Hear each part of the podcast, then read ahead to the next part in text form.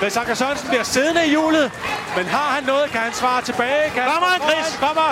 Chris prøver at gå udenom. Chris Anker Sørensen inderst. Han kommer. Chris Anker Sørensen, Martin Mortensen. Det bliver Chris Anker Sørensen, der bliver dansk mester 2015 i Rønte.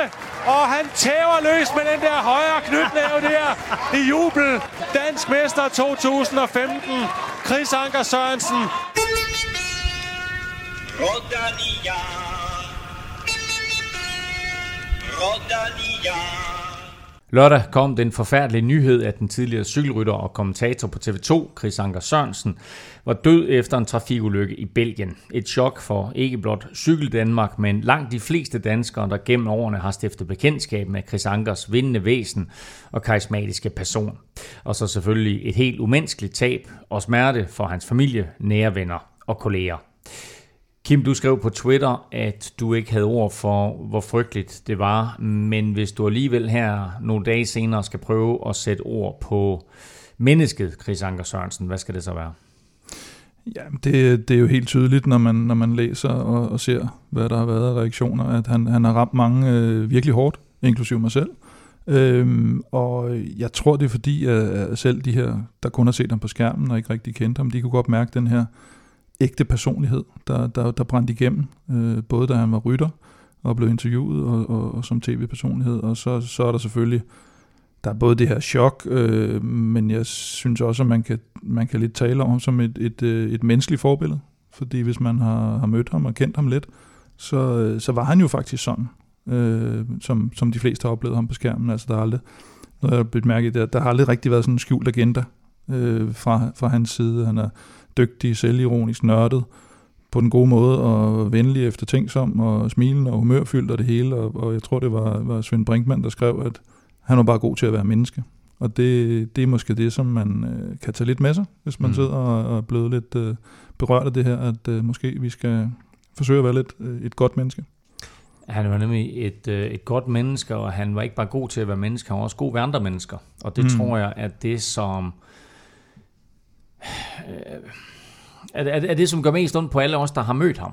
At der var jo simpelthen ingenting ondt øh, i, i Chris mm. Anker Sørensen. Han var bare, som du siger, Kim, et godt menneske øh, hele vejen igennem og ville det bedste for alle dem, han mødte på sin vej. En af dem, han mødte på sin vej, Stefan, det er dig, for du øh, kørte på hold med ham hos Rival, efter han har stoppet sin øh, udlandskarriere. Øh, kan du prøve at sætte nogle ord på Chris Anker som cykelrytter?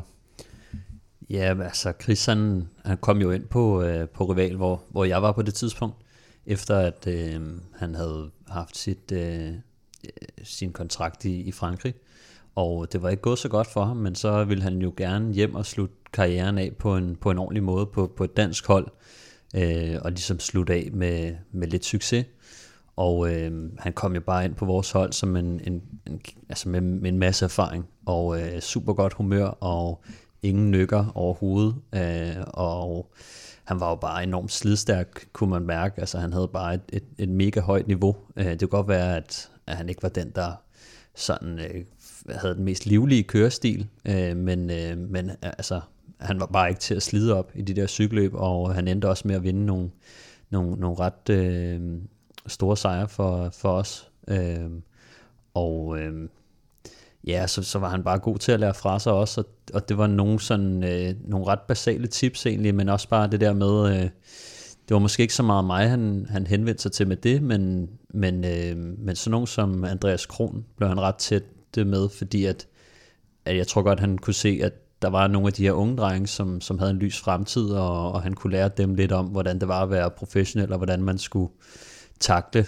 øh, cykelsporten på en eller anden måde, ikke? og hvilken indstilling man skulle have, så, så, så det var også fedt at se, og, og øh, ja, jeg tror også, han, han blev lidt den der, øh, hvad kan man sige, onkelagtig for, for mange af de unge rytter. Sådan en, de vidste, de kunne gå til øh, og spørge. Han, han tog det sgu altid seriøst, når det var. Altså, han, det var ikke, altså, han, han havde ikke nogen kække bemærkninger eller nogen ting. Han var sgu meget, øh, meget lige på og ærlig, og, og øh, jeg tror godt, han kunne lide, når, når folk kom og spurgte ham lidt til råds. Øh, og så, øh, Ja, og så tror jeg også bare sådan, en anden pointe er også, synes jeg, at han, han blev virkelig folkekær øh, i takt med selvfølgelig hans professionelle karriere, men efterfølgende også, så blev han bare en, en super god formidler øh, af cykelsporten på, på dansk tv, og, og kunne virkelig øh, øge forståelsen for, for cykelløb for, for den almene, som bare gjorde det 10 gange nemmere også for nogle af os, der, der har cyklet længe, som har haft svært ved at, at forklare cykelsporten.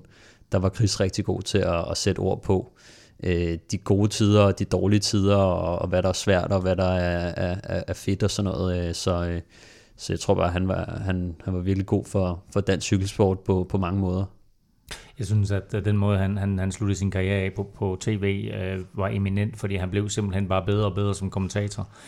Og jeg var meget imponeret over hans evne til at spotte hvem der var mm. hvem i et felt. Altså mm. han kunne nærmest se på den måde, de cyklede på, øh, hvilken rytter det var. Øh, det var jeg altså meget, meget imponeret over. Vi dedikerer den her udsendelse til øh, mindet om Chris Anker Sørensen, øh, og vi skal hylde og ære øh, Chris og den cykelsport, som han elskede så højt, og derfor så indledte vi altså også den her episode med klippet fra hans sejr i DM i øh, 2015.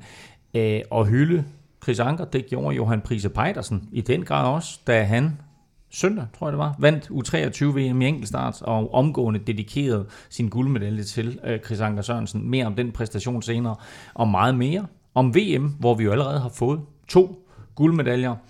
Og så kigger vi naturligvis i dag fremad mod søndagens linjeløb ved VM i Flandern. Landstræner Anders Lund fortæller om holdets taktik og hvilke modstandere han frygter mest. Du får også spiltips i samarbejde med Otze for Danske Spil. Vi skal naturligvis quizze vi skal tale lidt om Superman, og så skal vi også have kåret månedens dansker. Lidt sent, men trods alt månedens dansker for august. Kæmpe tak som altid til alle jer, der støtter på tier.dk. Vi trækker lod om en Europa Cup lidt senere. Også tak til alle jer, der har støttet via shoppen. Den finder du som altid på shopveleuropa.dk. Mit navn er Claus Elming, og du lytter til Veleuropa Podcast med Kim Plesner og Stefan Djurhus, præsenteret i samarbejde med Zetland og Odset fra Danske Spil. Vel Europa Podcast præsenteres i samarbejde med Odset fra Danske Licensspil. Husk, at man skal være minimum 18 år og spille med omtanke. Har du brug for hjælp til spilafhængighed, så kontakt Spillemyndighedens hjælpelinje Stop Spillet eller udluk dig via Rufus. Selvom det næsten er en uge siden, så er vi nødt til lige at lægge ud med historien om Michael Valgren, der vandt ikke bare én, men to gange i Italien i sidste uge. Først så vandt han Giro della Toscana, og dagen efter slog han Gud hjælp med selveste Sonny Colbrelli i en tomandsburt i Coppa Sabatini. Altså, hvad sker der lige for Valle, Stefan? Øhm, jamen, altså, han, øh, han har lige pludselig fået det til at, at hænge sammen øh, på en eller anden måde. Jeg synes, han har længe vist tegn på noget. Øh, jeg synes, øh, tilbage til DM øh, var jeg også lidt, øh, lidt høj på valgren, og, og han viste øh, rigtig gode takter, men da jeg så med de her italienske løb, så kan man bare se, hvor trimmet han er. Øh, og jeg tror at virkelig, han er gået i boks øh, og, og et sig selv lidt mere. Sjovt, så hørte jeg også, at han, øh, han egentlig er gået lidt mere væk fra den der klassiske valgren træningsstil, hvor at øh, han bare moser på og meget mere, end han egentlig burde. Men, øh, men nu har han skiftet lidt over til at, at lytte lidt mere til sin træner. Og det betyder altså færre timer. Øh, og øh, det tror jeg også er noget af det, som, som begynder at gavne ham nu, at, at, øh, at nu er han altså nået øh, til et punkt, hvor at han bliver sgu nødt til at, at gå lidt mere efter, øh, hvad, øh, hvad de kloge mennesker siger. Og ikke bare øh, moster ud af, øh, fordi det er, det er svært for nogle af dem, specielt som, som, som Valgren, som, øh, som godt kan lide at cykle, og øh, gerne vil, der er også mange, der træner ekstra meget for, det, for at deres hoved så er der, hvor de tænker, jeg har fandme også gjort, øh, altså jeg skulle en negl, og, øh, og jeg kørte skulle lige en time mere end de andre her og der, og sådan noget, ikke? Men, øh, men jeg tror, det, det er virkelig begyndt at falde i hak for ham nu, og øh, det er fedt at se, at han får nogle sejre, fordi at de har, øh, der har ikke været mange af dem. Øh, Valgren øh, har jo faktisk ikke vundet et løb siden øh, Amstel Gold Race i 2018. Så det er også ved at være lidt tid siden. Mm. Øhm, så, så virkelig fedt, og så to dage i streg. Det er jo helt vildt, og jeg synes også, man bliver nødt til lige at nævne, at EF faktisk kørte rigtig godt sammen. Øh, specielt øh, i, øh, hvad hedder den, øh, Sabatini, hvor at, øh, at Nielsen Paulus faktisk gør alt forarbejdet for, for Valgren. Man kunne godt se, Valgren sidder og holder lidt igen, og så er det Nielsen Paulus, der, øh, der angriber og, og sætter Valgren rigtig flot op.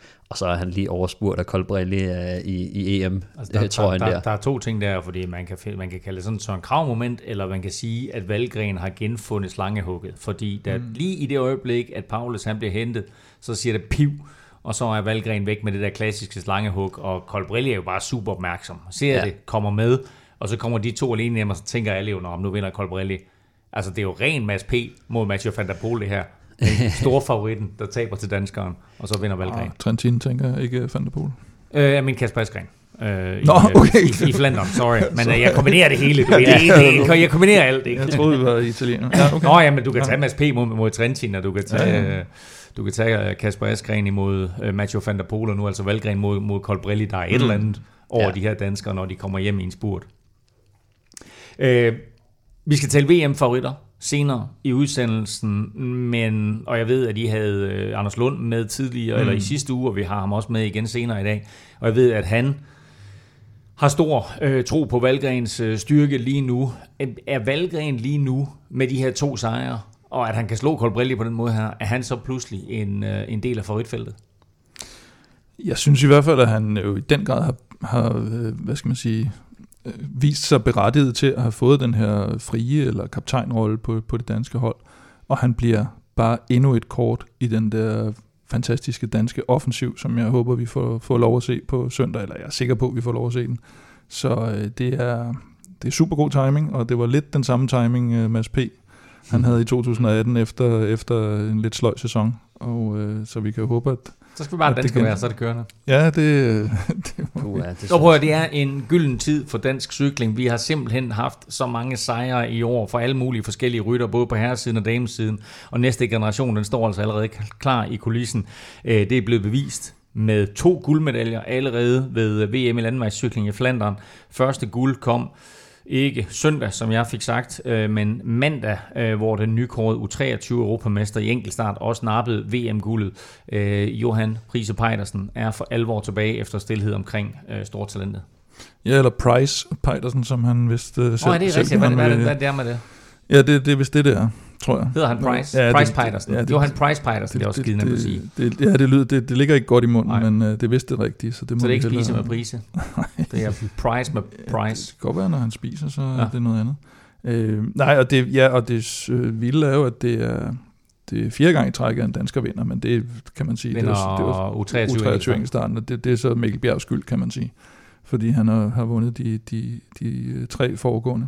Ja, der var ikke kørt noget i 20, ikke? så han vandt i 17, 18 og 19. Ja, og så vandt Virtue faktisk i 15, så der var kun en uh, tysker, som jeg ikke kan huske, hvad hedder, som vandt i, i 16. Marco Matis, er det Ja, og han er, han er simpelthen helt uh, stoppet karrieren, ser det ud som om. Han var ellers et, ja. uh, et okay talent. Uh, så uh, så det, danskerne er blevet til noget, kan man sige, af dem, der har vundet, så det, det håber vi også lidt for, for Johan. Og, uh, og han vinder foran uh, Luke Plapp fra Australien, og uh, Florian Vermeersch og jeg var, jeg var lige ved at skrive, at, at Florian Vermeersch, han var fra, fra Alpecin Phoenix, fordi jeg, jeg kom til at, at blande ham lidt sammen med, med storbror Gianni Vermeersch. Øh, men, øh, og så, så, så lidt ærgerligt selvfølgelig for, for nordmanden Søren Vjern Skjold, det er også fra, fra Uno X, han misser lige bronzen med to sekunder. Det, det kunne have været fint nok lige at have en ekstra. Ja, det blev jo et af to til EM. Ja, præcis. Så øh, ja. Så, men der var Plab jo af gode grunde. Men altså, øh, vi havde sådan lidt, vi havde lidt savnet øh, Johan Price Pejdersen øh, i mediebilledet i et stykke tid, og så kommer han altså lige bang bang her og vinder både U23 EM og U23 VM. og da han kører over målstregen, der hylder han jo Chris Anker Sørensen ved at kigge ind i kameraet, og så bare råbe øh, for Chris, og så bryder han jo et øh, efterfølgende helt fuldstændig sammen. Øh, men øh, Johan Price Pejdersen her, Stefan, hvad for en type rytter er han, og hvad kan han drive det til? Øh, jamen, det kommer nok ikke bag på, på nogen nu, at øh, han er enkeltstart specialist. øh, nykåret, men, men, det, men det er jo en god start. Det har vi jo set med mange rytter. Ja, altså, øh, man kan sige, altså Mikkel Bjerg er jo stadig en enkeltstart specialist, men, men, men han har også vundet, øh, hvor han har kørt i udbrud, og øh, han har jo senest været øh, en, en, øh, en rigtig god øh, hjælperytter for Pogacar, øh, som også er en, en ret stor ting øh, for, for enhver rytter. Øhm, men øh, Johan Prise, eller Price, Price. Pejlersen, øh, jeg har også altid kaldt ham Prise, men øh, det, det skal jeg stoppe med nu. Øhm, han har jo været en af de øh, rigtig store talenter, specielt i enkeltstart, øh, det er klart, øh, i, i nogle år nu. Øh, men han har jo sådan, som han også selv har været inde på nu her, øh, at han har stået lidt i skyggen af Mikkel, som, som ofte lige har været øh, en tak bedre. Øh, der var faktisk lige i, øh, i 19, tror jeg, han slår øh, Mikkel Bjerg til, øh, til EM også og vinder.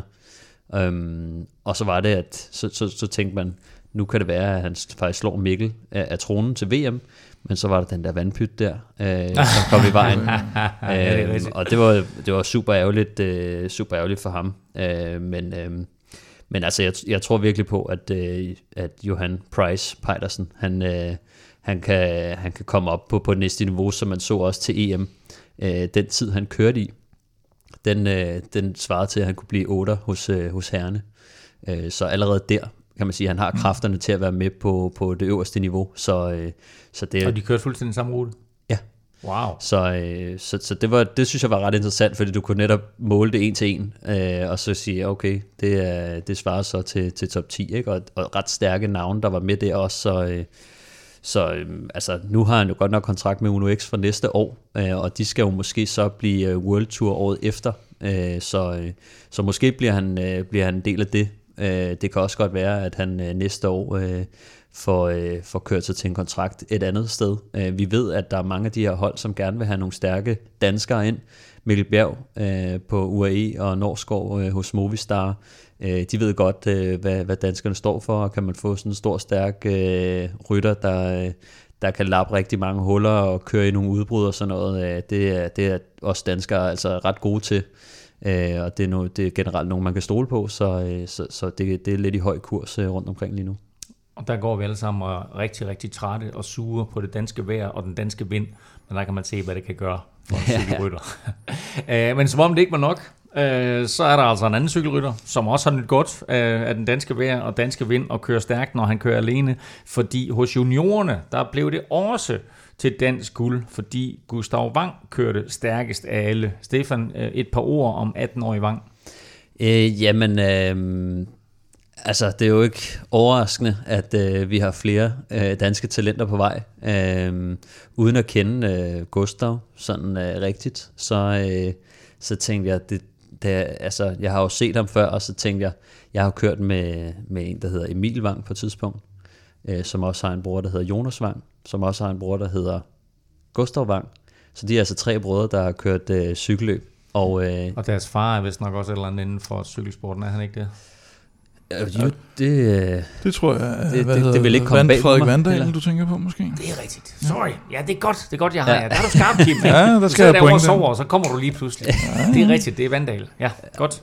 Men, øh, men jo, altså ikke overraskende, så øh, hvad hedder det, både Jonas og Emil har også været danske mestre, øh, og, øh, og var også øh, gode ting køre start, specielt det Emil kan jeg huske i hvert fald var, øh, var, var et stort talent, som, som lå og boxede lidt med øh, Mads Wirtz og, og nogle af de her rytter dengang. Så nu har det altså den, den tredje bror på vej, og øh, det bliver spændende at se ham. Han virker til at være øh, også rigtig stærk, så bare fedt, at vi har endnu flere øh, danskere på vej op. To danske guldmedaljer sikret ved VM allerede, og øh, stadig masser af cykelløb på programmet. Men her og nu, der skal vi til. Quizzen. Og øh, man må sige, at når katten er ude, så spiller musene på bordet. Fordi, øh, Stefan spillede på bordet. Eller ja, der mere, altså, jeg, kan, jeg, jeg kan forstå, at I havde en alternativ quiz, quizmaster inden i sidste uge, men jeg kan også forstå, at det primært var musen Stefan, der dansede på bordet, Kim.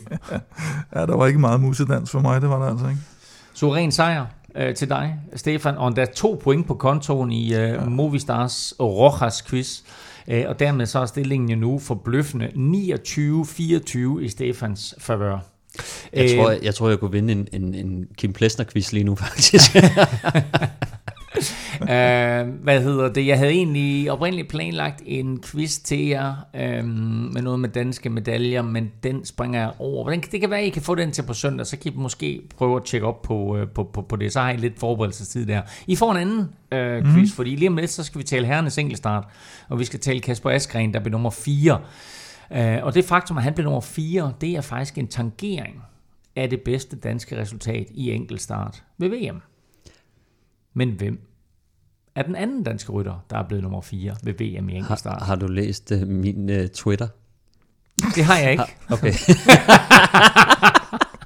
Så står det. der står det. Uh, Super. Nej, det gør det faktisk ikke. Det gør det faktisk ikke. Okay. Der skal man lige ned i kommentar. Nå, Øh, nå. Jamen, så, ved vi, så ved vi, at du har svaret i hvert fald, men Kim, du har serveretten, så det vil være en god idé, hvis du sådan den næste times tid her finder frem til det rigtige svar. Du må ikke tweet. du, ja. er, er reglerne forstået? Er spørgsmålet Ja. forstået? Ja, jeg tror, ja. ja, Ja, ja Jamen, så har jeg kun én ting til dig, og dig, Stefan, og så dig, der sidder og lytter med. Lad nu være at gå på Twitter, og lad nu være med at google. Der var håb om en dansk medalje i enkeltstart i søndags, hvor vi havde Kasper Askren og Mikkel Bjerg til start. Det lykkedes lige nøjagtigt ikke for førstnævnt at kravle på podiet. Til gengæld blev afgørelsen vanvittigt spændende, hvor Filippo Ganna var sidste mand til start, og også hurtigste mand på den 43 km lange enkeltstart. Kim, det var en øh, imponerende præstation igen af Ganna. Ja, han var jo virkelig hurtig, må man sige. Øh, hurtigste gennemsnitsfart, 54,37. Det, øh, det er relativt. Har du? Ja, når du siger hurtigste gennemsnitsfart, så er det hurtigste gennemsnitsfart ever, ever, ever. Ja, i hvert fald til et VM. Jeg ved ikke, om det også er i en enkelt start. Nej, Øh, det er det ikke. Det tror jeg Men til et VM er det. Jeg tror, det er til VM, Ja. ikke? Jeg, ved- jeg tror, at David Zabriskie, han kørte øh, 54-6 en gang på en Tour de France-etap, der var 16 Hvor han tager den gule trøje foran uh, Armstrong, ja. Ja, men den er så også blevet slået sidenhen, så, øhm, så jeg, ved ikke lige, hvad den plus, er på at den nu. var men, relativt kort ikke, i forhold til den her. Så, Ja. ja. så, men det gik stærkt, og det gik øh, 6 sekunder stærkere end Wout van Aert i hvert fald. Og det, det lidt ærgerlige, det var jo så, øh, at Askren han, han kommer to, to sekunder efter Remco på tredjepladsen. Det ville have været, øh, det ville have været fint lige Ja, for, og, det er, altså, og det er imponerende at se de der top 4, fordi der er sådan set et enormt spring for de fire og så ned til resten. Øh, da Remco han kommer ind, der slår han nummer to med en 30 sekunder til et eller andet, ikke? Mm. Øh, og så kommer øh, Askren ind og er, er to sekunder efter Remco, der har vi jo stadigvæk en eller anden form for håb om dansk medalje. Og så kommer Wout van Aert ind og slår en, en, øh, sætter en fantastisk tid. Øh, er, øh, er det, hvad er han? 40 foran Askren i hvert fald. Ja, 40 foran Askren, 38 foran Remco, ikke? Ja. Og så kommer Filippo Ganna ind alligevel øh, og sætter hurtigste tid med 6 sekunder ned til, øh, til Wout van Aert, så altså dobbelt belgisk på anden og tredje pladsen, og så Kasper Askren der to sekunder efter på, øh, på fjerde pladsen. Jeg var faktisk øh, involveret lidt i en spøjs øh, øh, dialog på Twitter øh, med, med en, der mente, at fordi Stefan Kyng han øh, ikke vandt, ligesom han gjorde i EM, så måtte alle de andre have dopet sig i ugen op til VM. Naturligvis. Det kunne ikke være andet. Han Nej. havde, ikke, han havde ikke kigget på, at Kyng han aldrig har kørt godt på en enkelt start over 40 km, men det mente han ikke havde noget at sige. Nå, øh, Så- det skal vi EM ikke... var 22 km, ikke? Så, Jo. så den her, Den den, er var dobbelt så 43. lang. og dobbelt så lang. Mikkel Bjerg blev et øh, nummer 17, og øh, sjovt, at du lige skal bringe Stefan Køng op der, øh, Kim, fordi mens øh, du jo har lidt udfordringer med at besejre øh, vores Stefan i quizzen, så må vi sige, at Askren, han havde ikke noget problem med at besejre hverken Stefan Bissiger øh, eller Stefan Køng. Og jeg synes jo egentlig, hvis man kigger på det, at øh, det er fair nok, at han bliver fire. Det er selvfølgelig ærgerligt, at han kun er to sekunder efter øh, bronzemedaljen der, men han kørte næsten op til sit bedste, Kasper ja. Ja, man kan sige, at jeg, talte eller jeg har jo lavet de her interview med Anders Lund i, i sidste uge, og der, der talte vi faktisk også lidt om, lidt om Askren, men vi havde ikke rigtig noget, øh, eller vi har ikke brugt den del af interviewet til det, fordi vi ikke havde optagt til, til det med Anders Lund. Men der spørger jeg ham lidt sådan til, hvad med Askren? Han, han, han kan vel ikke tage en medalje i det der, vel? Det er vel, det er vel linjeløb og sådan noget. Så sagde han, ah, vent og se, han, er, han, er, han kommer sgu nok rimelig tæt på, øh, fordi hans form, den var netop øh, lidt timet jo til det her VM, og han var, han var ikke rigtig lige kommet op, åbenbart havde han sagt til Anders i, i hverken i, nu skal jeg til at sige Bing Bang, nu kan jeg ikke huske, hvad det hedder, Benelux og, Mm. og de ting, han kørte inden der, så, øh, så han havde faktisk øh, både forudset den, og han forudsagde jo også det der med Valgren, at han, han nok skulle være der, så man må sige, at pulsen. jeg håber, at Anders Lund tror på en dansk guldmedalje, fordi så han har haft, han har så ret i rimelig så meget. må man bare håbe, at, at dansk cykling øh, til næste år har budgettet til at købe en ordentlig hjelm til Kasper Askren. Fordi altså, det lignede jo nærmest, at han tog den der Roglic-hjelm på fra start. Jeg synes, alle de andre så super cool ud og super fancy. Jeg ved ikke, der var bare et eller andet over det look der på Kasper Askren. Han, han så bare ikke så aerodynamisk ud som de andre med den hjelm der. Nej, men det er Fordi en hjelm, eller tror jeg. Ja, det kan godt være, det er visiret, der gør det. At han så har den der hjelm og så der briller. Så, fordi lige efter ham, så kommer Wout van Aert. Det er, sådan, det er nærmest sådan en, en øh, stormtrooper, ja. Ja. der kommer der bagefter. Ikke? Øh, og jeg ved ikke, altså... Altså, nu er det to sekunder, jeg ved ikke, om på 40 km. Om, Men om kører det de ikke med, med firmaholdshjelme? Altså Nej, ikke jo, quickstep jo, jo. og... Jo, jo, det det gør gør de, gør. Ja. Ja, ja. Okay, nå, men altså, jeg synes stadigvæk ikke, det så sådan helt aerodynamisk ud. Øh, det gjorde Wout van Aert til gengæld, men han var ikke aerodynamisk nok. Øh, fordi han blev nummer to igen, igen, igen. Fire andenpladser, Stefan, for Wout van Aert, der er ved at være træt af det der. Ja, det kan, altså, hvad kan man sige, jeg ved ikke, om, om, om han kan have noget at ærge sig særlig meget over, altså hvis man kigger over de, de seneste par år. Øh, ja, så er det rigtigt, han er blevet nummer to øh, til, til VM enkeltstart, og, og nummer to til OL linjeløb, og, øh, og fik også øh, to andenpladser ved, ved VM sidste år. Men han har med også taget nogle sejre. Øh, jeg tror, han har en 18 stykker, hvis man tager øh, mm i år og, og sidste år. Så, øh, så der er ikke så meget at være ked af det over, men, men det er klart, at det, det, det, det vil nok være, være fedt for ham lige at få en, en VM på, på, på landvej, eller, eller et OL, eller, eller et mesterskab, fordi at han har virkelig været, kan man sige, i hvert fald top 2 rytter øh, i, i, i det der øh, terræn, ikke? Øh, så, og modsat øh, Van der Pol, så, så kan han altså også godt på, på enkeltstarterne. Så ja, altså, det skal nok komme en eller anden dag. Øhm, det, det er jeg ikke i tvivl om. Måske endda på, øh, måske endda på, på søndag, hvor han er, er favorit, men, men det er også bare svært at, at være øh, så frygtet, som, som han er. Det gør jo også, at som vi har set i nogle af mm. cykelløbene, at man skal altså også øh, tage noget med ansvar og, og kæmpe lidt mere med det, når, når skydeskiven den er på, på ham. Ej, jeg synes nu nok, han har taget en del ansvar, og måske også for meget en gang imellem. Jamen, altså, det er netop som, det. Som, som vi også har talt om, så lidt øh, vortids, eller den moderne øh, udgave af, af Peter Sagan, som, øh, som får svært ved at vinde, fordi de andre er alle sammen er bange for ham. Øh, Emma Norsgaard blev i godsøjne kun nummer 12 hos kvinderne. Hun kunne faktisk have vundet guld i U23, men den disciplin eksisterer ikke hos kvinderne ved VM. Mm. Øh, men hvis vi sådan kigger overordnet på det, Stefan, så er det et par gamle damer, der indtager de øverste pladser i kvindecyklingen, så der er gode muligheder for medalje til Emma på sigt.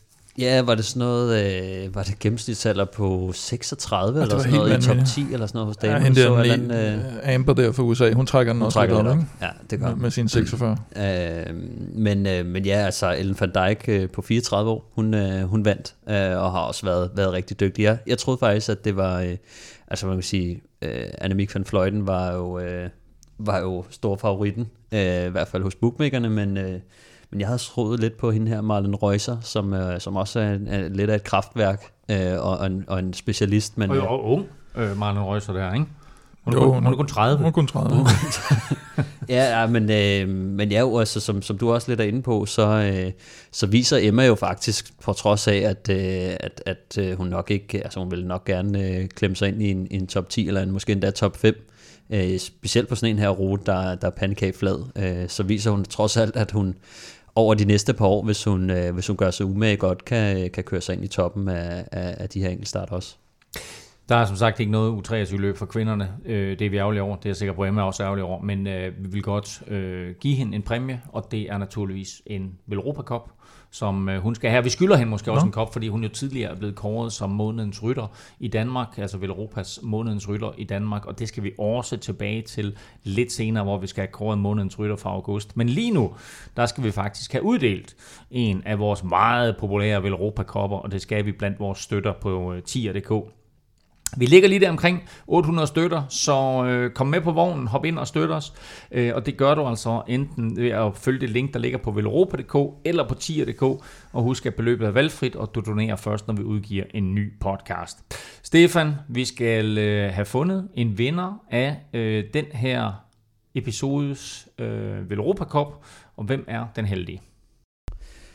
Ja, øh, det bliver faktisk en af de, øh, de helt, helt gamle øh, originale støtter. Vi skal tilbage til øh, juni 2019, siden at øh, Robert har, øh, har mm-hmm. været støtte. Så, øh, så nu er det på tide, at, øh, at Robert han også får en kop. Sådan. Jamen, øh, super fedt, Robert. Og øh, jeg kan se, at det er Robert KN, så det kan jo være kort for Knudsen måske. Kreditnota. Nej, det tror jeg, det tror jeg ikke, du skal regne med, Kim. Men uh, typisk, typisk dig at få KN til at være, være kreditnota. Robert KN er i hvert fald uh, vores vinder, uh, så stort tillykke til dig. Husk, at vi får alle vores lodtrækninger og gør det på den måde, at for hver fem, du donerer, der får du et lod i puljen, så jo større beløb, jo flere lodder, og dermed altså større chance for at vinde hver uge. I den her uge, der var det en Europa Cup, men altså vi har også andre uh, fede præmier på tapetet af og til. Mange tak for støtten til jer alle. Vi kunne ikke lave Europa podcast uden jer, og naturligvis stor tak og kæmpe stor tillykke til Robert KN. Søndag der køres VM-linjeløbet for herrer. Som bekendt, der er store forventninger til den danske trup, og Kim fik i sidste uge en snak med landstræner Anders Lund om den danske taktik, manglende radiokommunikation og om hvem Anders han ser som de værste konkurrenter til en VM-guldmedalje. Jamen altså, jeg tror, altså, jeg tror, man skal øh, være meget varsom med at undervurdere italienerne. Øh, særligt fordi de har Sonny Colbrelli, øh, mm. men også fordi de, øh, øh, jeg synes, de kører nogle meget, meget flotte øh, mesterskabsløb som hold. Øh, og griber, griber rigtig meget flot, øh, øh, altså de griber løbende flot anden taktisk, øh, og, og mm. gør nogle ting, og kan, kan styre nogle løb. Og jeg har den der selvforståelse, som, som ligger helt i, i deres, øh, i, ja, altså meget, meget, altså at det, at det er klart, at det er dem, der er øh, øh, løbsbestemmende i en, eller anden, i en eller anden form. Øh, fordi de har været det så mange år, så det og, og på, i virkeligheden synes jeg, at på meget mere end belgierne øh, har de tradition for at køre flotte mesterskaber sådan som hold. Øh, nu har belgierne så bare nogle fuldstændig vanvittige øh, stærke rytter øh, Øh, med, med Wout van Aert og Remco i spidsen. Så, så de er selvfølgelig jo øh, øh, en, en, ja, en, en, en, en, en frygtindgydende modstander. Men italienerne har bare øh, noget, noget særligt med til VM. Det, det, synes jeg, det synes jeg altid, de har. Mm. Hvor meget kigger du, altså, hvor meget tid bruger du egentlig på, på modstanderne i forhold til, til eget hold? Man kunne godt forestille sig, at med, med det slagkraftige hold, vi har nu, så, så skal man ikke rigtig øh, koncentrere sig super meget om, om de andre, men mere om sig selv. Nej, men det, altså, jeg, jeg, jeg har det jo med i, i, i baghovedet, og, og når jeg hører, at øh, på vandrørene, at, øh, at det var et fanat, der, der, der gerne vil hjem og spurte øh, i, en, i en gruppe, så, øh, så, så er det jo klart, så, så tænker jeg over, hvad, hvad vores hold skal kunne for at og, øh, og ligesom øh, imødegå den, den, den, øh, den kørsel der. Mm. Og få, få åbnet løbet rigtigt op for os, øh, og få brugt vores container og, og, og muligheder af offensiv kræfter. Øh, så, så jo, det har da noget at sige, men, men, øh, men jeg vil sige, det er min, meget mindre end at få vores eget kollektiv til at fungere, vores eget taktik øh, vores egen taktik til at, til at spille rigtigt. Øh, så det er det, øh, det er der, øh, kræfterne bliver brugt. Øh, og, øh, og, og er for de rigtige med, de formstærke med, øh, dem der kan køre klok VM. Det er, mm. det, det, det er sådan set vigtigere end, end at analysere de andre i, i, i dybden, fordi at, øh, at hvis vi er stærke, og hvis vi gør tingene rigtigt, jamen så, så er det, altså så, så kommer vi, øh, så kommer vi langt på det alene. Og så lige til sidst, øh, uden at du selvfølgelig skal afsløre det, fordi øh, der sidder også nogen og lytter til det her trods alt. Øh, Gør det? det? ja, det, det har jeg hørt noget om. Men øh, jeg ved jo, i Yorkshire, der havde I jo nogle, øh, hvad skal man sige, nedslagspunkter, eller nogle steder, hvor I havde, havde aftalt, at her der skulle man gøre sådan og sådan, og her skulle der sættes ind, og her skulle der angribes. Så var der noget med vejret, der ændrede lidt i det. Er det også sådan til, at I kommer til at have sådan nogle fikspunkter her, hvor, øh, hvor I lige aftaler, at øh, så får den en over nakken, eller så kommer der til at ske et eller andet? Det er klart, at, at når, når der ikke bliver kørt med radio, så, øh, så den der helt sådan intuitiv øh, måde at sige, om nu, nu, det er nu, og, og så ved alle det på samme tid. Øh, det er jo den, det er lidt udfordrende. Jeg, jeg ved, at rytterne er enormt gode til at kommunikere, øh, og de, øh, også er gode til at sidde sammen og, og, og, og træffe nogle beslutninger. Det bliver de også nødt til i et langt VM-løb, det er der ingen tvivl om. Øhm, uanset hvor, hvilke aftaler man har lavet, så skal der, så skal der justeres derude og, og, og gøres nogle forskellige ting. Men det er klart, der bliver nødt til at være en ramme mm. øh, af nogle forskellige ting, og deri der være nogle, nogle nedslag, øh, nogle, nogle, nogle kilometer, der står på frempinden, hvor at, hvor at, øh, at vi har en, en mening om, hvad der skal ske. Øh, og, og sådan vil det også blive, øh, sådan vil det også blive i Flandern. Og hvor frustrerende på en skala fra 1 til 10 er det som landstræner, at man ikke netop har den der radio, radiomulighed i et VM-løb? Ja, men altså, jeg, jeg kører jo ikke aldrig med radio næsten, faktisk, som, øh, som i, mit, øh, i mit virke som, som landstræner med, mm. med 23 som jeg tager mest med. Øhm, øh, der bliver kørt med radio under, øh, på Snor Danmark Grund, men det har Berling taget, fordi jeg har været i, uh, i, i Lavenir de sidste år. Så, så min erfaring med at sidde uh, med, med en løbsradio er meget begrænset. Så jeg synes egentlig ikke, det er så dårligt, at jeg, at, øh, at jeg ikke skal sidde og blamere mig øh, i den disciplin, som er en métier at kunne som sportsdirektør. Mm. Øh, og den, øh, den muskel har jeg slet ikke trænet. Øh, så på den måde, så, så, så synes jeg, det, det, er, det er jo et vilkår, der er lige for alle. Og, øh, og vi har nogle rytter, der er enormt dygtige til at køre sammen som et hold og tænke, overveje og analysere løbet undervejs. Så, så på mange måder synes jeg, det er en fordel for os. Vi har en rigtig, rigtig fed søndag i vente. Jeg tror, vi er mange danskere, som øh, ser frem til linjeløbet. Øh, en af de ting, mange spændende ting i øvrigt, øh, som Anders Lund siger her, men en af de ting, jeg ved mærke i, det er det her med radioer. Øh, hvor meget betyder det ikke at køre med radio øh, i sådan et løb som det her? Jamen, øh, det betyder bare, at, at meget af det bliver, øh, altså, det bliver lidt mere øh, ustruktureret nogle gange, og det gør jo bare, at øh, det kræver lidt mere rytterne i forhold til at øh, tage beslutninger. Så, øh, så der skal sidde nogen, øh, der, der, der kan tage beslutningerne og kommunikere det rundt til alle. Det, øh, det er måske en ting, som man ikke tænker så meget over, men det er, at alle skal ligesom være på bølgelængde Mm. Øh, så og så skal jo, man ikke lade en eller anden østrisk kvinde slippe afsted. ja. Nå, men det er også, man, man ved det. det er også det, det når, når man har radioer, så kan sportsdirektøren melde det samme ud til alle. Så det sørger ligesom for, at man kan sige, det er nu, I skal køre frem, eller det her, det er lige sket og sådan noget. Ikke? Men når, når der ikke er nogen radioer, så bliver man nødt til at tale sammen internt. Og det betyder også, at man bliver nødt til at sidde sammen som hold. Så den der med at sidde sammen som hold, det er jo altid vigtigt. Men når der ikke er nogen radioer, så, skal du, altså, så er det altså endnu, fordi du kan ikke tale sammen, hvis du ikke sidder ved siden af hinanden. Ikke? Så, øh, så det betyder bare, at rytterne skal, skal holde rigtig meget sammen, sidde, sidde tæt sammen, øh, snakke sammen og, og så tage beslutninger.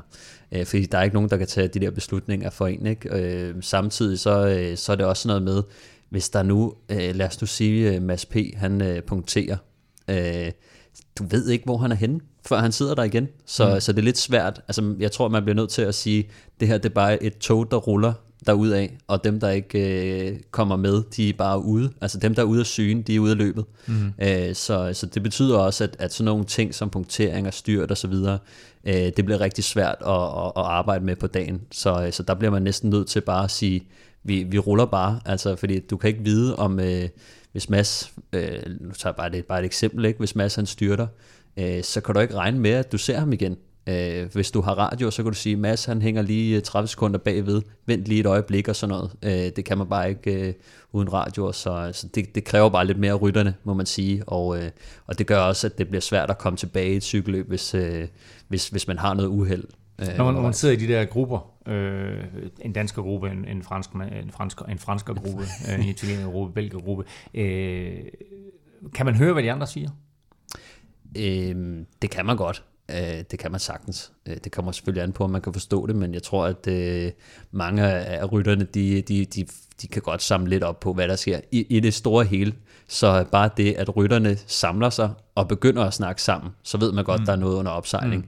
Mm. Øh, sådan, har, sådan har vi også altid haft det hjemme i Danmark, hvor vi også har kørt masser uden radio, primært uden radio.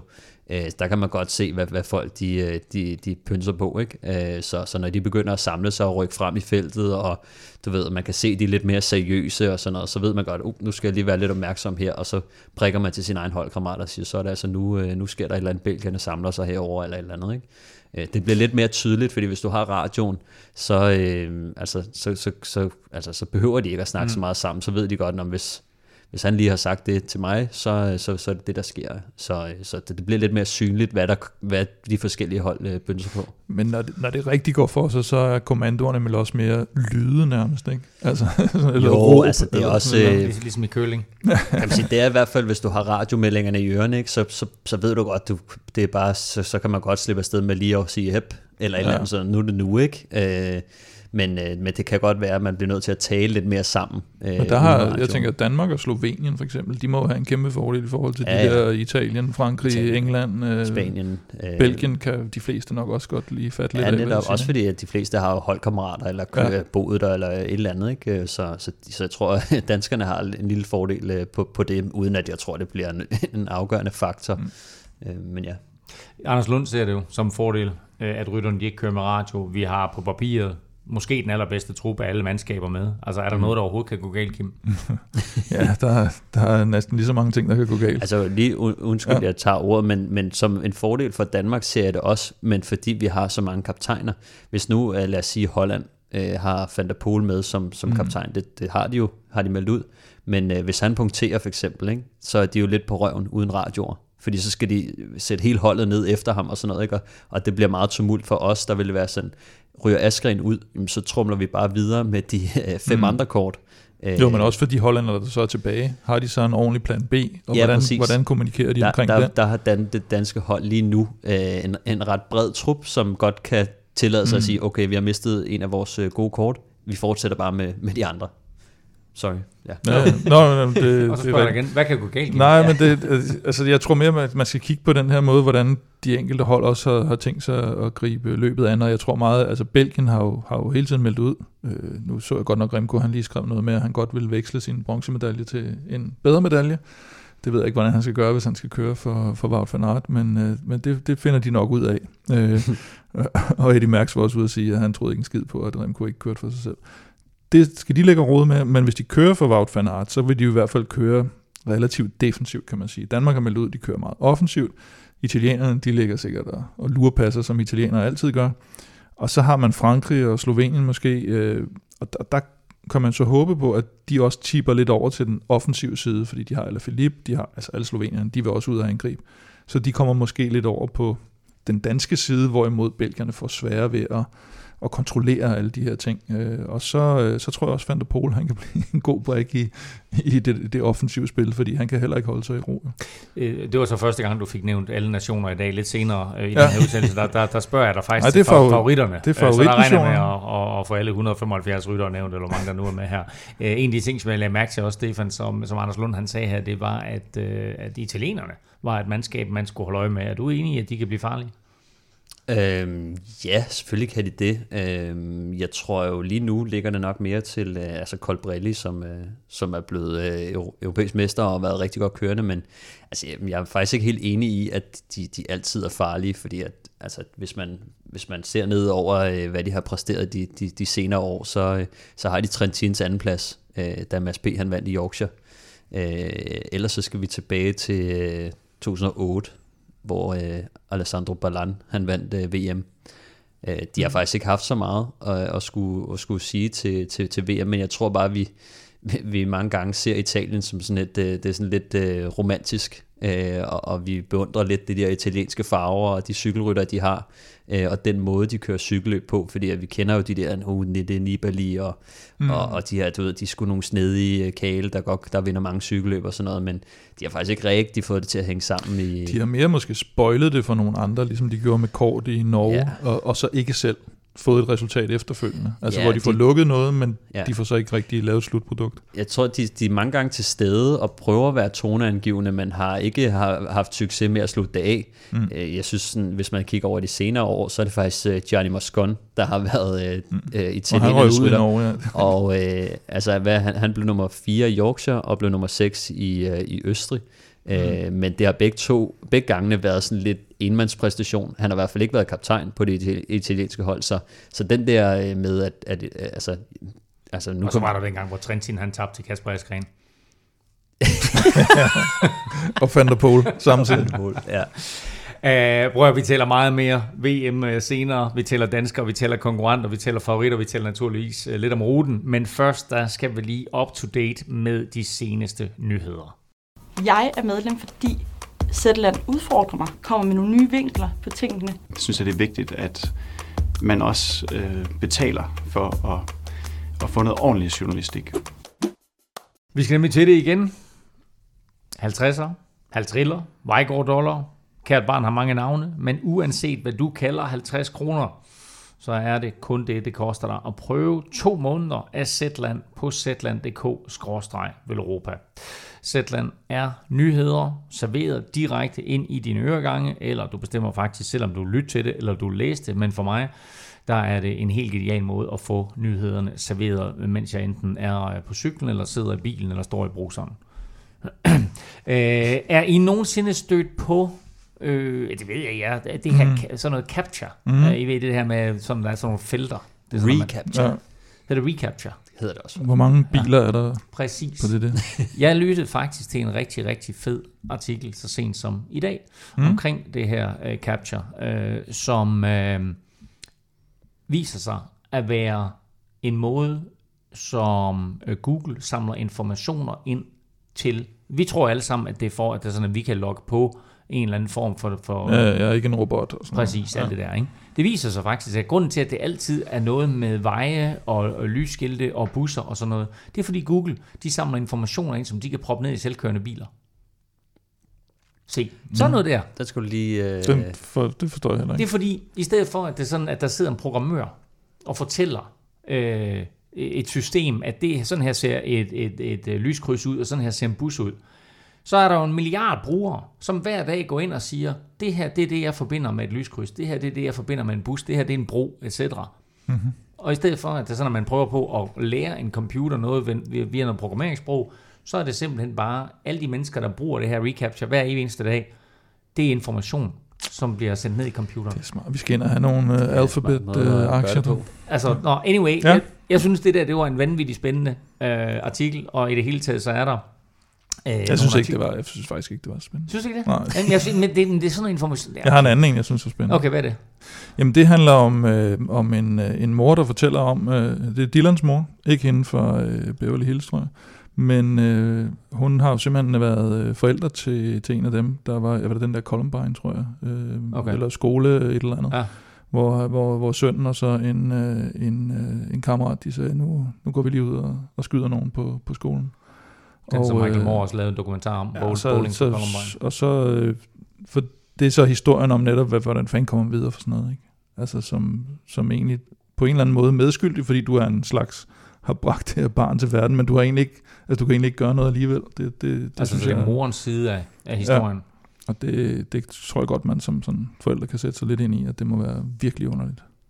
Ja. Øh, hvordan går det med Emil over på skolen? ja, præcis. Det var ikke Øh, sjovt. Det var ikke høre, sjovt. Det her, det her, det var bare, det her, det var bare to øh, af, af, de ufattelig mange fede historier, der ligger inde på, øh, på Zetland. Øh, der er baggrundsviden, øh, der er øh, aktuelle artikler, der er øh, masser af øh, interessante små betragtninger osv. Og så er der naturligvis helikopteren, som jeg sætter utrolig stor pris på, og som dagligt giver mig mit øh, nyhedsoverblik. Så gå ind og prøv øh, Zetland nu på zetland.dk-velropa. Det koster dig kun 50 kroner, og så får du altså to måneder, hvor du kan prøve øh, Zetland af. Øh, og øh, husk, du støtter altså også Velropa podcast. Så altså zetland.dk-velropa, så kan du prøve Zetland.dk, eller så kan du prøve Zetland i to måneder for 50 kroner, og du må meget, meget gerne dele øh, det her link med venner og bekendte.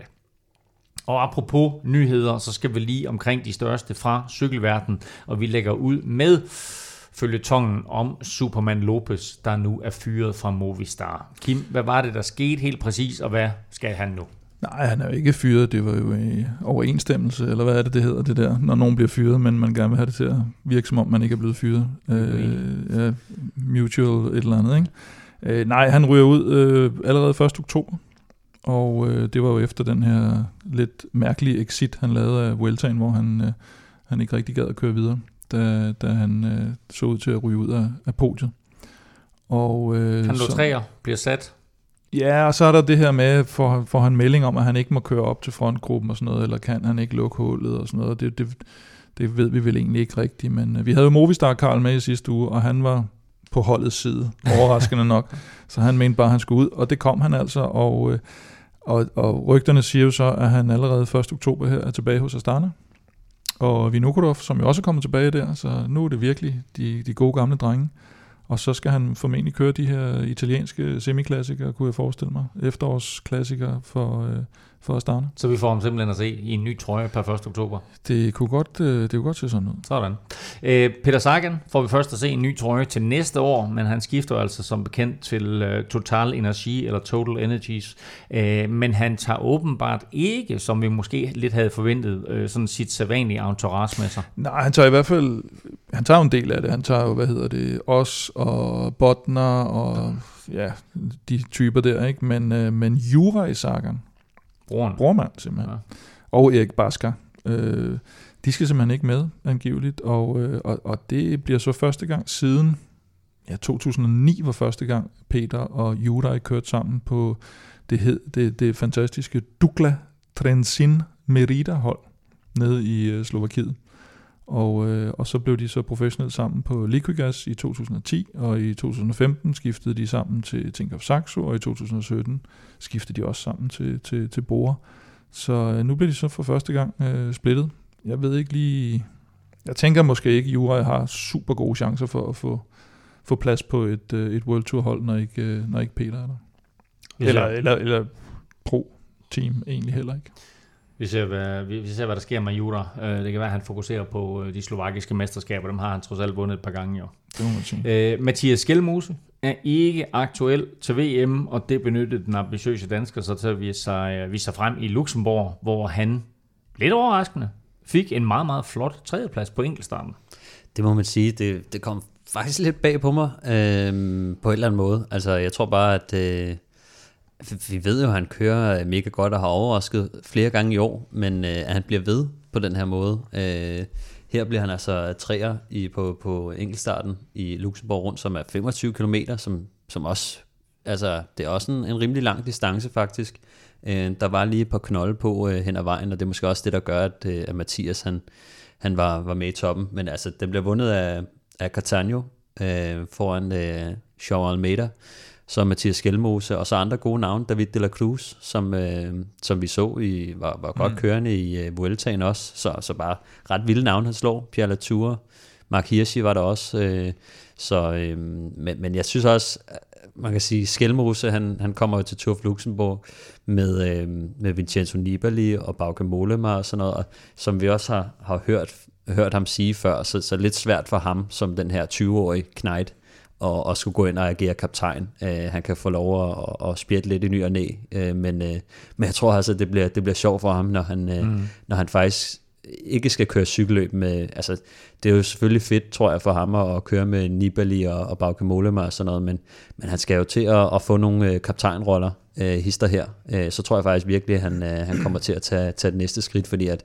man kan se på ham, at styrken er der, uh, potentialet er der, nu mangler han faktisk bare en lille smule øh, mere opbakning fra, fra holdet, og det, det tror jeg først kommer, når, øh, når de ikke øh, har de her store stjerner med, med ud til cykelløbene, fordi at så, så er det kun ham, der har mulighed for at, at køre godt for, for Trek. Øhm. Og det er jo en perfekt mulighed på en enkelt start, øh, at få lov til at vise sig frem, når han helt sikkert har bundet opgaver på de andre etaper. Ja. Øh, og da vi havde ham i studiet her for et par uger siden, øh, der synes jeg også bare, at han virkede som en enorm selvtillidsfyldt knægt og meget viljestærk. Mm. Øh, så jeg glæder mig rigtig, rigtig meget til at se, hvad der sker med Mathias Gjelmose på den lange bane.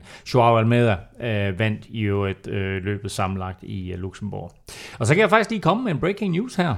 Mm. Øh, fordi det legendariske bjerg Otakam er med på turprogrammet i 2022 og øh, får mål på toppen øh, i næste års Tour de France. Øh, Øh, det fortalte borgmesteren i øh, den her lille by, Lucien Sauveur, øh, i sidste uge, der besøgte den i forbindelse med Skleroseforeningens velgørenhedscykelløb Cykelnaven, hvor jeg var mhm. nede og, og kørte på bjerge. Desværre på grund af regnvejr, så fik vi ikke mulighed for at køre øh, Otakam, men ellers så var vi op over dem alle sammen, øh, Tourmalet og Per Surt og øh, Kolde Porté og Kolde skal jeg. Øh, men øh, der er fortalt borgmesteren altså, at Otakam får øh, øh, bjergafslutning øh, i 2022. Kan man lige se det for os som med turstart i Danmark? Vingård i gult, Otakam. Hvor Bjarne Ries Stor klinge. Stor klinge. Sådan der. Perfekt. Vel Europa Podcast præsenteres i samarbejde med Odset fra Danske Licensspil. Husk, at man skal være minimum 18 år og spille med omtanke. Har du brug for hjælp til spilafhængighed, så kontakt Spillemyndighedens hjælpelinje Stop Spillet eller udluk dig via Rufus. Om lidt får du spiltips til VM bragt i samarbejde med Otse for Danske Spil, men først der kigger vi lige frem mod et af årets højdepunkter, nemlig VM-linjeløbet for herrer. I år har vi jo til med en historisk stærk dansk VM-trup, og løbet køres i det historiske cykelterræn i Flandern. Men øh, der er ikke tale om et decideret flanderen rundt her, Stefan. Distancen, den er nogenlunde den samme, men øh, hvordan adskiller ruten sig ellers? Ja, altså som du siger, VM er øh, kun lige en, en smule længere, øh, 268 km, så, så omkring 14 km længere end, end Flandern. Ikke, ikke det store, men, men hvor Flandern har de her øh, brostensbelagte stigninger og, og flade pavéer, så, øh, så køres VM jo den, i den sydlige del af, af Belgien, øh, hvor der også er kuperet, men, øh, men det er altså ikke med de samme brostensbelagte stigninger. Øh, hvor Flandern har, kan man sige, kun 19 stigninger, øhm, og cirka 2100 højdemeter. Så har VM 42 stigninger og øh, 2500 højdemeter. Lidt mere end 2500, men, øh, men så kan ja, man sige... 42 det er også en, øh, en men pæn, det, pæn chat. Ja, det giver et lidt øh, urytmisk øh, løb, tænker jeg. Ja, altså, de, de kommer bare hele tiden, ikke? Så, mm. øh, så, og så lidt flere højdemeter på. Øh, hvis man ser de her stigninger sådan en for en, øh, så, så er de jo klart lettere end, end dem i Flandern. Men, øh, men når man akkumulerer det hele, og, mm. øh, og man ser de her øh, at, at stigningerne bare er godt fordelt over, over hele ruten, så, så vil der også være rigtig mange momenter, øh, og, og man skal bare hele tiden øh, trykke i, i pedalerne, ikke? Så, så det kender man, når man kører øh, en bakket rute, øh, så, så, så kan det godt blive rigtig, rigtig hårdt for, for stængerne, øh, når, når, når stigninger bare bliver ved og ved. Um, så, så, så kan man sige, den, den minder nok lidt mere om, om Brabantse Pejl, som, som vi også har været lidt mere ind på. Jeg tror, den, henvender sig måske en lille smule mere til de lette ryttere, og hvis man kigger på Brabantse Pejl, øh, i år blev den vundet af, af Tom Pitcock, som jo også er en uh, Bette Knight, øh, i virkeligheden på sin, øh, hvad vejer han, 58 kilo. Mm. Øh, men, men generelt set, når man ser Brabantse Pejl, det er jo, det er jo stærke ryttere, men, men også måske folk, der er lige til den lidt lettere side øh, end, end Flandern rundt i hvert fald. Vi har talt øh, danskere tidligere i udsendelsen i dag, men lad os lige for en god ordens skyld få, øh, få de otte danske navne på plads. Det er Kasper Askren, det er Magnus Kort, det er Mads Pedersen, det er Michael Valgren, det er Mads Wirt Schmidt, det er Mikkel Honoré, det er Andreas Kron, og det er Mikkel Bjerg. Altså bare det at nævne de der otte navne, det er jo, øh, det er jo, det er jo et helt vildt hold, vi stiller med. Øh, og derfor så kan man også sige, så er der jo store spekulationer omkring, hvad for en taktik man skal lave, og, og hvordan man skal gribe det her an. Men lad os nu gøre dig til landstræner, Stefan. Hvordan ja. vil du så gribe løbet an? Hvad for en taktik vil du lægge? Øhm, ja, altså jeg tror, jeg har længe været på den vogn, at uh, Askren og Mads P. var, uh, var kaptajnerne. Øhm, men hvis jeg skulle, uh, hvis jeg skulle, altså hvis jeg skulle lægge taktikken, så tror jeg, jeg havde taget uh, kort og, uh, og sagt til ham, at uh, han skal, han skal sidde med og forholde sig i ro og vente på en spurt. Det, er jo, uh, det slutter også på toppen af en bakke, så, uh, så det bliver også lidt svært i forhold til end Mads P. Så jeg tror rigtig meget på, på Mads P. generelt, men den her rute synes jeg bare ikke passer ham særlig godt. Og når man ser tilbage på, hvordan han har, over de senere år har præsteret på, på det bakkede terræn, så synes jeg faktisk ikke, han har været sådan helt øh, så godt med, som han faktisk var for ja, bare 3-4 år siden. Øh, så der, han, der har han altså vendt sig lidt om til at være lidt mere øh, sprinter stærk eller tung. Øh, så, øh, så jeg tror faktisk, jeg vil bruge kort som, øh, som sprinteren, og så øh, sige øh, Honoré og Mads P. Øh, skal, skal ud og, og, og indgribe lidt, lidt længere udefra. Øh, så har vi øh, Askren og, og Valgren, som jeg vil prøve at sige, de skal, øh, når vi kommer ind på den her øh, Flandrien Circuit i, øh, i, ind omkring overrejse, der vil jeg sige, øh, der skal de begynde at, at, at være aktive, ikke? og så har vi, øh, hvis de ikke kan, kan splitte det hele ad og, og skabe en god situation, så, øh, så skal vi prøve at se, om vi kan samle den ind for, for kort, eller få ham i hvert fald med i en god gruppe, hvor han, øh, hvor han har en chance. Men altså, nu, nu for eksempel det her med, at, at altså, sige til kort, du skal, du skal holde dig til, og lade være med at lave alt for meget. Mm. Altså, der vil jo komme en masse fremstød og en, en masse forskellige rytter, der angriber. Og vi, vi ved jo, at vi har set Kort nu her være super skarp og være i stand til at vurdere, hvad det er, han skal gå med i og sådan noget. Men mm. altså, det må være enormt menneskeligt, også her selvfølgelig uden radioer, at vide præcis, hvad er det, jeg skal gå med i? Ja, det er klart. Altså, man, bliver, man kan jo ikke bare sætte sig nede i et felt øh, og, og bare vente og vente og vente. Altså, jeg tror ikke, det bliver sådan et VM, øh, hvor man kan slippe afsted med at, at komme hjem i et felt, kan man sige, et decimeret felt. Jeg tror, man skal ud og, og angribe, øh, men jeg tror bare, at at hvor at jeg, jeg ser det for mig, at, at øh, mange af de andre danskere selv skal ud og angribe og opsøge heller, så tror jeg, at Kort øh, skal prøve at, at prøve at gå med i, i nogle angreb, uden selv at, sådan at søge det aktivt, så skal han bare prøve at gå med i de rigtige grupper, og se om han ikke kan, øh, kan komme, komme ind øh, i, i første gruppe. Men øh, jeg tror, at de andre skal prøve at gå mere i offensiven, angreb, og måske, altså hvis de, hvis de kører alene afsted, så fortsæt på den. Men, øh, men det vil jeg sige, vil være, det skulle være forbudt for, øh, for kort, øh, og selv at prøve at angribe og, og, og køre alene.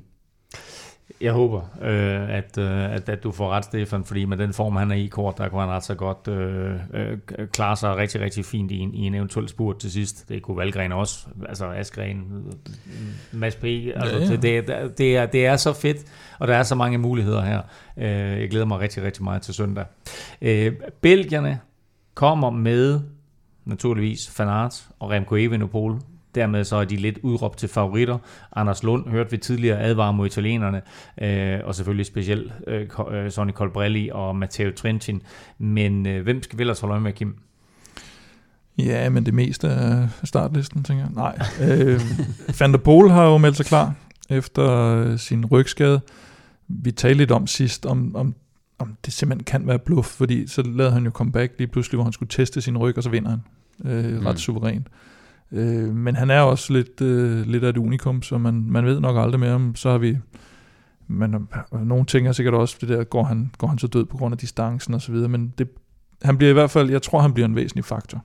Øh, om han holder distancen, eller om, hvad han selv får ud af det, det ved jeg ikke, men jeg tror, han kommer til at sætte sit, sit præg på løbet. Øh, og så har vi Alaphilippe selvfølgelig, øh, fra Frankrig, forsvarende mester. Han øh, er stået over OL, og har egentlig sådan koncentreret sig om VM efter Tour de France, godt kørende i Tour of Britain, øh, der tager han kun lige med et par, par centimeter til Fanart på, på kongetoppen. Så jeg tror, han har bygget rigtig meget op til det her VM. Øh, og vinde VM to år i træk, det er der ikke så mange, der har gjort. Så, så det bliver selvfølgelig virkelig svært, men, øh, men han, er, han er helt klart motiveret. Og så har vi Slovenien som det, som det tredje store hold, eller ikke synes jeg egentlig ikke. Nu fik jeg nævnt Holland som stort hold implicit, men, øh, men det synes jeg egentlig ikke, de er. Men Slovenien, sådan holdmæssigt med Pogacar, Roglic og Mohoric, det er, det er vanvittigt. Og, og hvis man ser på bookmakerne, og egentlig også hvad jeg tror, så er det egentlig Mohoric, der, der er deres øh, bedste kort. Og øh, vi har set ham køre godt i Benelux, og, og, og han, har, han har kørt virkelig, virkelig godt hele sæsonen, og faktisk nærmest siden han vandt sine to etaper i Tour de France. Og det er jo lidt vildt, ikke? Fordi der har han bare kørt topresultater. Ja, men, men, men, men med ham ikke, altså vi har set ham lave de her vanvidsudbrud. Ja. Altså 60 km ud, 90 km ud, og holde dem hjem. Altså det bliver jo interessant at se, hvordan de andre de reagerer ja. på ham. Der sidder et hav af kæmpe store favoritter, og så er der ham der, hvis han så lige pludselig blæser til angreb 60 km før, hvad gør folk så? Ja, det, det, det, det eneste tidspunkt, han, altså han udgik jo af Giroen, der fik han ikke rigtig noget, altså det var der, han lavede det der Salto Mortale styrt, men der gik det jo også meget godt inden, ikke? Altså, og, og ellers så har han simpelthen lavet super resultater nærmest i, i alle de løb, han har stillet op i, så, så jeg tror, på den rigtige dag og, og uden uheld og sådan noget, der, der tror jeg virkelig, han er en, man skal... Og hvis du har også, ja, Pogacar og Roglic som sådan nogen, der kan tage lidt fokus, så, så er det ikke helt tosset. Han har også været verdensmester før. Ja, det I U23. Og, og junior. Ja. Så, øh, eller var det U23 både enkeltstart og linjeløb? Nu bliver jeg faktisk lidt øh, Jamen, du, you tell me. Ja, øh, men det er øh, rigtigt. Men, øh, jeg tror faktisk, det er både junior og U23. Han vandt, øh, han vandt foran Louis Manches. Ja, det er også det er jo Louis Manches bedste resultat nogensinde. Ja, prøv, altså, som nation har vi jo faktisk selv et, et par wildcards med, øh, som måske kan få en eller anden rolle mm. i det her løb. Hvem, hvem skal vi sådan ellers holde øje med af outsider? Ja, men jeg synes sådan holdmæssigt er det nok Schweiz øh, med, med Kønge, og Kønge har jo vist sig godt kørende også i, i forårsklassikere og så videre. Bissiger er, er en, en god cykelrytter, ikke kun en enkeltstartsrytter. Og så Mark, Mark Hirschi, som øh, har vist god form her på, på mm. det seneste. Jeg tror, det var, var det i Luxembourg, han, øh, han lige pludselig begyndte at vise noget igen, efter han, han jo egentlig har været sådan lidt anonym, efter han skiftede til, til UAE. Heldigvis ser det ikke ud, som om de har Gino Mater med, fordi så ville det være et rigtig frygteligt hold. han, han har også virkelig kørt godt, øh, men er måske også ved at være lidt slidt. Øh, og så er der de her øh, lidt mere lonely riders, kan man sige. Øh, Kwiatkowski fra Polen, Matthews fra Australien, øh, som har fødselsdag på søndag i øvrigt. Øh, Ethan Hayter, som vi har talt en del om på det seneste fra Storbritannien. Øh, Raul Almeida, som, øh, som vinder øh, øh, Luxembourg. Og Brandon McNulty og Quinn Simmons fra USA, synes jeg egentlig også har vist, vist gode tegn. Og så Schachmann fra Tyskland er jo bare altid god, nærmest uanset om han er i form, eller hvad for et terræn han kører i. det, jeg kan godt lide, at du bringer Quinn Simmons op der, for jeg synes, det er lidt interessant med ham. Altså meget, meget udskældt på grund af det der emoji-halløj der, mm. ikke? men altså jo kæmpe talent ja. som, øh, som den her rute godt kunne ligge lidt til. Um, er der sådan andre øh, store navne, som, som folk vil kende derude? Ja, men, men så er det nok sådan nogen, som, som vi tror, vi har set de bedste resultater fra tidligere i karrieren, men, men, men som på sådan en, en vild dag godt kan lave et resultat. Der har du sådan nogen som, som Sagan og Christoph og Stibar, øh, eller, eller en vilkårlig rytter fra Colombia. Jeg kan ikke helt finde ud af det der kolumbianske hold. Altså de er sådan enten bjergrytter eller sprinter Nå, men man kan til et sige, all-round hvis, terræn. Hvis, hvis, Stefan siger, at det godt kan blive en, en, en interessant dag for lette rytter, så har Colombia der et par stykker, de kan Ja, det er rigtigt. De Ja, har det noget- skal være men et godt mix Ja. ja, øh, mellem power og, Ja. og Jeg synes, og de er- mangler, de mangler lige præcis de rytter, som er de ty- den Ja. type, der typisk kan køre på, på det her. Men Hvad, hvad, hvad, hvad, var det for band, der lavede den der Wild Boys? Duran Duran. Nå, Uran Uran. Ej, hold nu kæft, mand. Ej, nu er vi nede og er han, på er han med?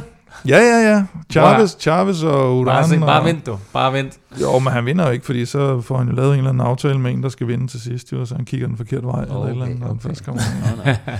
Nej, nej. Så, Nå, jamen, Ja. ja. vi, vi, vi nåede jo næsten igennem alle rytterne, Kim. Ja, det var så, stort så, set så, så, tak for det. Øhm, men øh, nu nævnte Stefan jo faktisk i forbindelse med Bobanse Pejl, der nævnte han Tom Pitcock, og ham bringer du slet ikke på banen. Nej, øh, jeg, jeg har hørt lidt, at han egentlig ikke skulle, øh, han egentlig ikke skulle være så, så god form, og, og de er lidt bange for, at han er, han er for slidt, har meldingerne været over for det, for det britiske. Fordi altså, hvis han var i topform, så var han jo, altså, så synes jeg jo, at han var nærmest på, på favoritniveau med Wout van Aert. Han, øh, han vinder Brabantse, han bliver to i Amstel, og, han, i, og det var den der, hvad hedder den, øh, mål, målgate, øh, målstregsgate, og, og bliver sekser i Flash Vallon, så han har alle øh, øh, kvaliteter til at, at køre godt, men man har været igennem en, en lang sæson. Og, og, Ja, man kan også sige, øh, kan man sige, sådan en som ham kommer fra cross øh, ind i en landevejssæson, ind i en mountainbike-sæson, tilbage til Vueltaen. Øh, han har ikke kørt noget siden Vueltaen. Øh, det er lidt spørgsmålstegn, om han er... Spørgsmålet er, om han skulle have været med i den Vuelta, ikke? eller om han lige skulle have taget en pause der, og så Ja. være VM-favorit. Ja, det, det, Det får vi se det, det, er et spørgsmålstegn lige, lige med ham, men øh, det skulle ikke undre mig, at han lige pludselig øh, vender tilbage til, til det niveau, han var på øh, Mm. sige, i, i, i den sene del af foråret. Der var han jo virkelig flyvende, ikke? Jo. Øhm, og til, ja. Jeg vil sige det på den måde, mm. at hvis jeg beder jer om at komme med spiltips til podiet, så er der en vis sandsynlighed for, at det rent faktisk ender sådan. Fordi I har jo været vanvittigt skarpe her den sidste måneds tid, og også nu her, mens jeg var væk i sidste uge, der rammer I jo alle tre øh, spiltip. Så, Jeg synes, det er, jeg synes, det er ret sjovt, at var det to gange siden, hvor Danske Spil vendte tilbage og sagde, nu begynder vi at blive lidt bekymrede.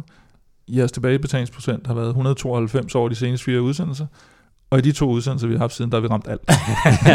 så jeg skal ikke tænke på, hvordan de sidder. Det er jo, men det er, jo, det er jo det, at vi, vi, øh, vi hjælper jo mod ludomani. Fordi der er ikke nogen, der taber, når de... Nej, når de præcis. hører Det går, det går skide godt. Det- Det er ikke ludomani, hvis man vinder. Nej, lige præcis. Ja, okay. Det, er- det, er- det, er det, kan vi skære det der ud, Kim? Det, Ja, det, det det, skal sgu ikke med i podcasten. det mener jeg. Øh, nå, prøv at høre. Vi lægger selvfølgelig ud med Belropas vinder. Øh, I sidste uge, der kom I med et bud, der hed gerne vinder enkeltstarten. Øh, der var boostet til odds 22. Bum, den gik hjem. Øh, hvad har du øh, til at se den her uge, Kim? Den her gang, der har vi egentlig taget, det er meget fælles den her uge, synes jeg. Uh, vi har taget den her, uh, en dansker vinder VM. Vi okay, må på okay, med klaphatten. Okay, okay, okay, stop. Fordi for et par uger siden, der var der en eller anden på Twitter, der skrev ind, hvad sidder Claus Elming med sådan en øh, klaphat, en dansker klaphat, når der sådan I optager? Nej, men jeg synes, jo, jeg synes jo alligevel, der er forskel på at sige, at en dansker ud af, af, måske historiens stærkeste danske VM-trup, øh, og så i forhold til at, at, at sige sådan noget som, at øh, alle, alle de tre danskere i Vueltaen kører på podiet hver dag, der er alligevel et gap. Så jeg tænker, måske er Okay, en lidt mere kvalificeret klap. Okay, øh, øh, okay.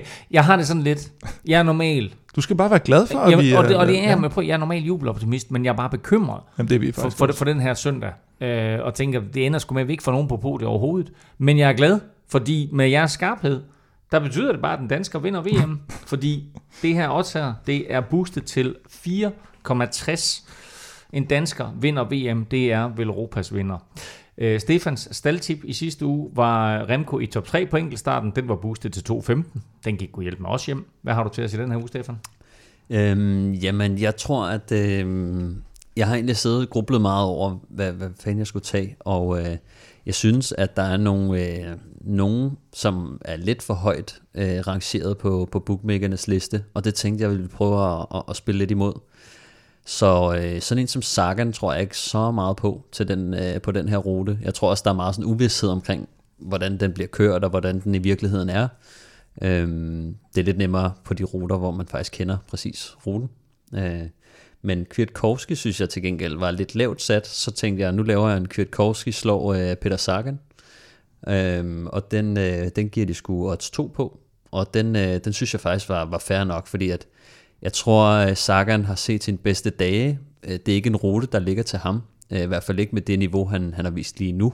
Øh, der, der har han faktisk bøvlet lidt med at komme over mange af de stigninger. Kwiatkowski, han er kaptajn på, på det polske hold, og jeg synes altid, han synes faktisk, han har kørt rigtig godt øh, i år. Han har selvfølgelig øh, ikke vundet en masse store cykelløb, men han har, han har kørt godt placeret, så har han selvfølgelig været hjælperytter også. Øh, mm. Men nu kommer han ind som kaptajn, og jeg synes også, han er en type, der plejer at køre til stregen. Øh, det er sådan også sådan en faktor, man, man bliver nødt til at tage med, når man kigger på de der head-to-heads.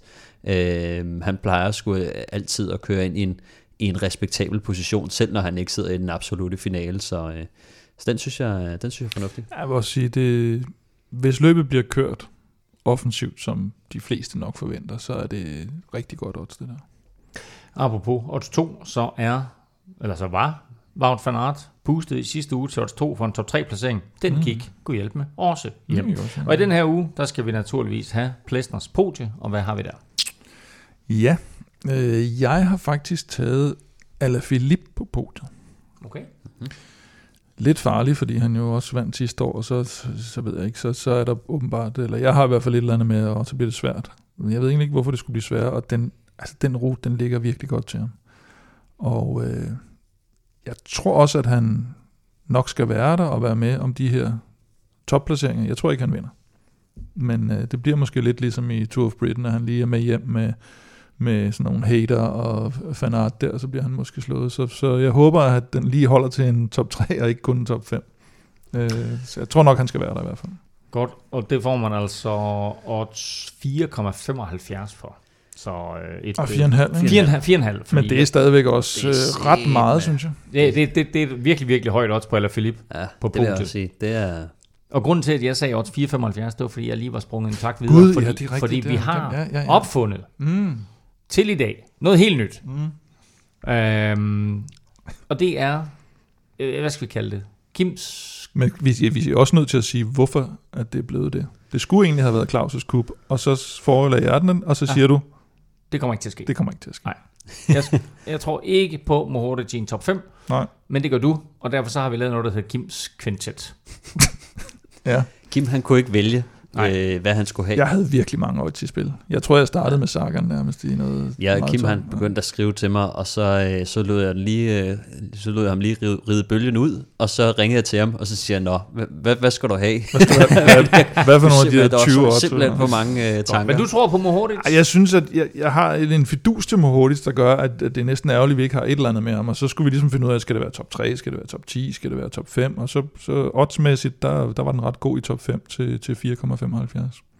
Sådan. Så det er altså et, helt nyt segment her, Kims Quintet, en rytter i uh, top 5, og i dag der er det altså Matej, Matej Mohoric uh, til VM på søndag, boostet til odds 4,75. Det var vores fire spiltip, bragt i samarbejde med Odds for Danske Spil.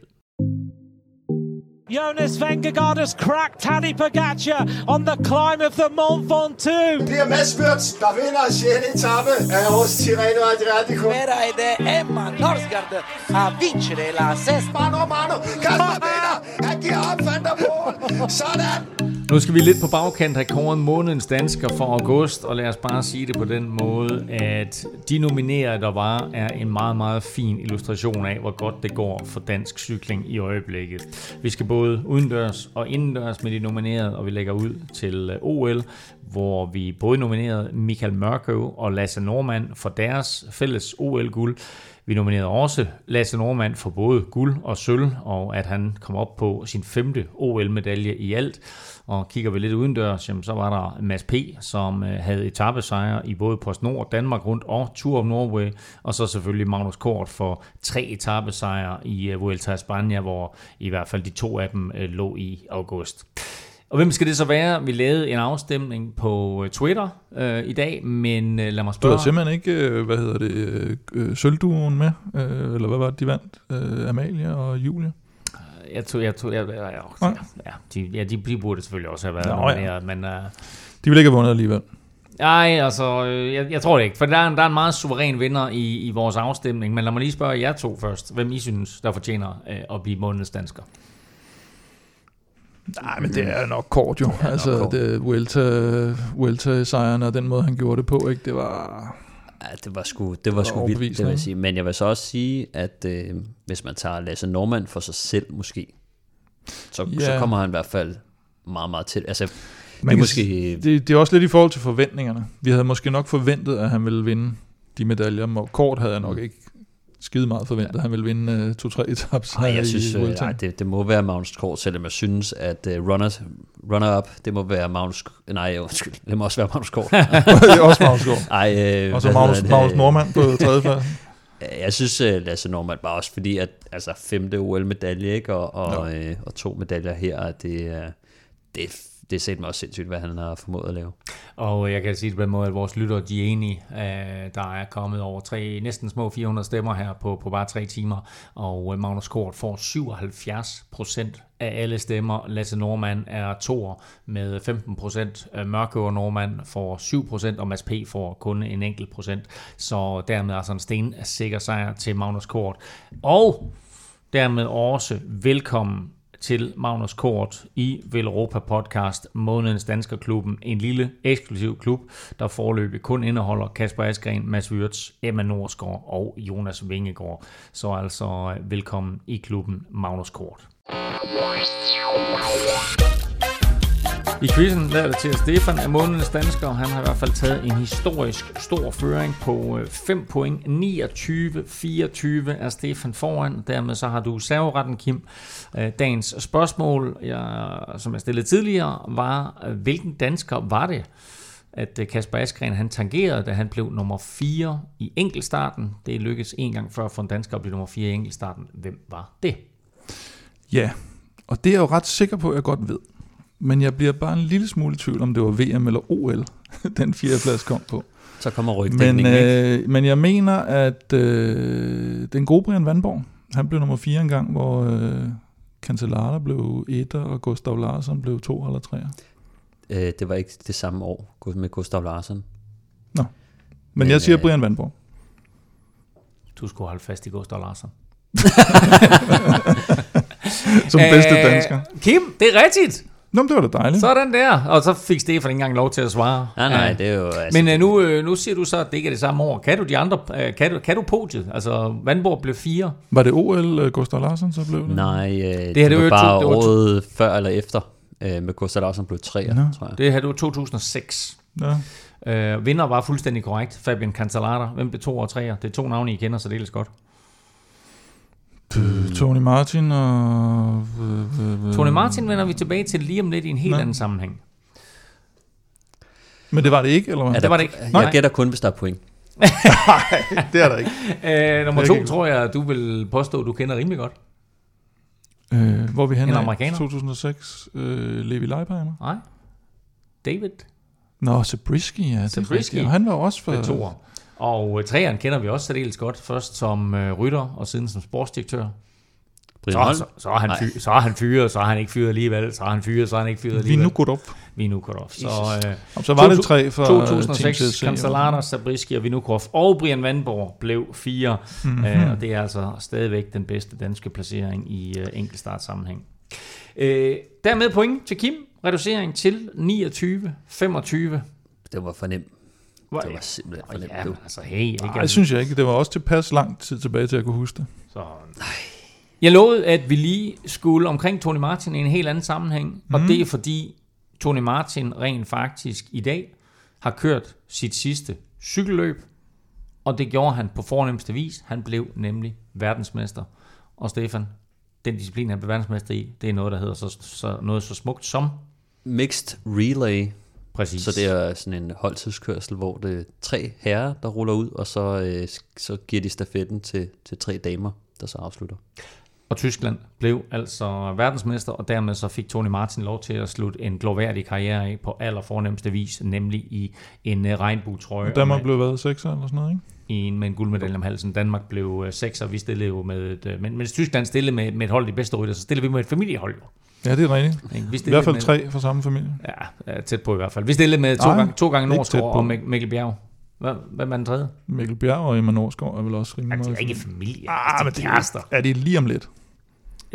okay, okay. fair nok. Når man bliver Dan- gift, så er man. Danmark bliver nummer 6, det her det er bare mere en, en uh, og det, det er selvfølgelig, det, det, det er fint, jeg tror måske endda, vi måske nok har sat næsen op efter noget mere, men, uh, men i hvert fald en uh, fornem afslutning af Tony Martin på uh, karrieren. Jeg glæder mig som sindssyg til vores næste udgave af Velropa Podcast. Den kommer på søndag lige efter VM linjeløbet. Uh, vi håber, på, at vi har, at vi har en øh, dansk medalje, måske endda af, af fineste grad. Øhm, men øh, nu må vi se. Og øh, indtil da, jamen der kan du følge Kim og Velropa på øh, Facebook, Twitter og Instagram. Det sker på Snablag Velropa, og Stefan finder du på Twitter på Snablag Stefan Djurhus. Undertegnet finder du alle steder på Snablag NF Elming. Tak for nu. Tak fordi du lyttede med. Hvil i fred, Chris Anker Sørensen. Du sagde farvel alt for tidligt, men cykelsporten vil aldrig glemme dig. 27.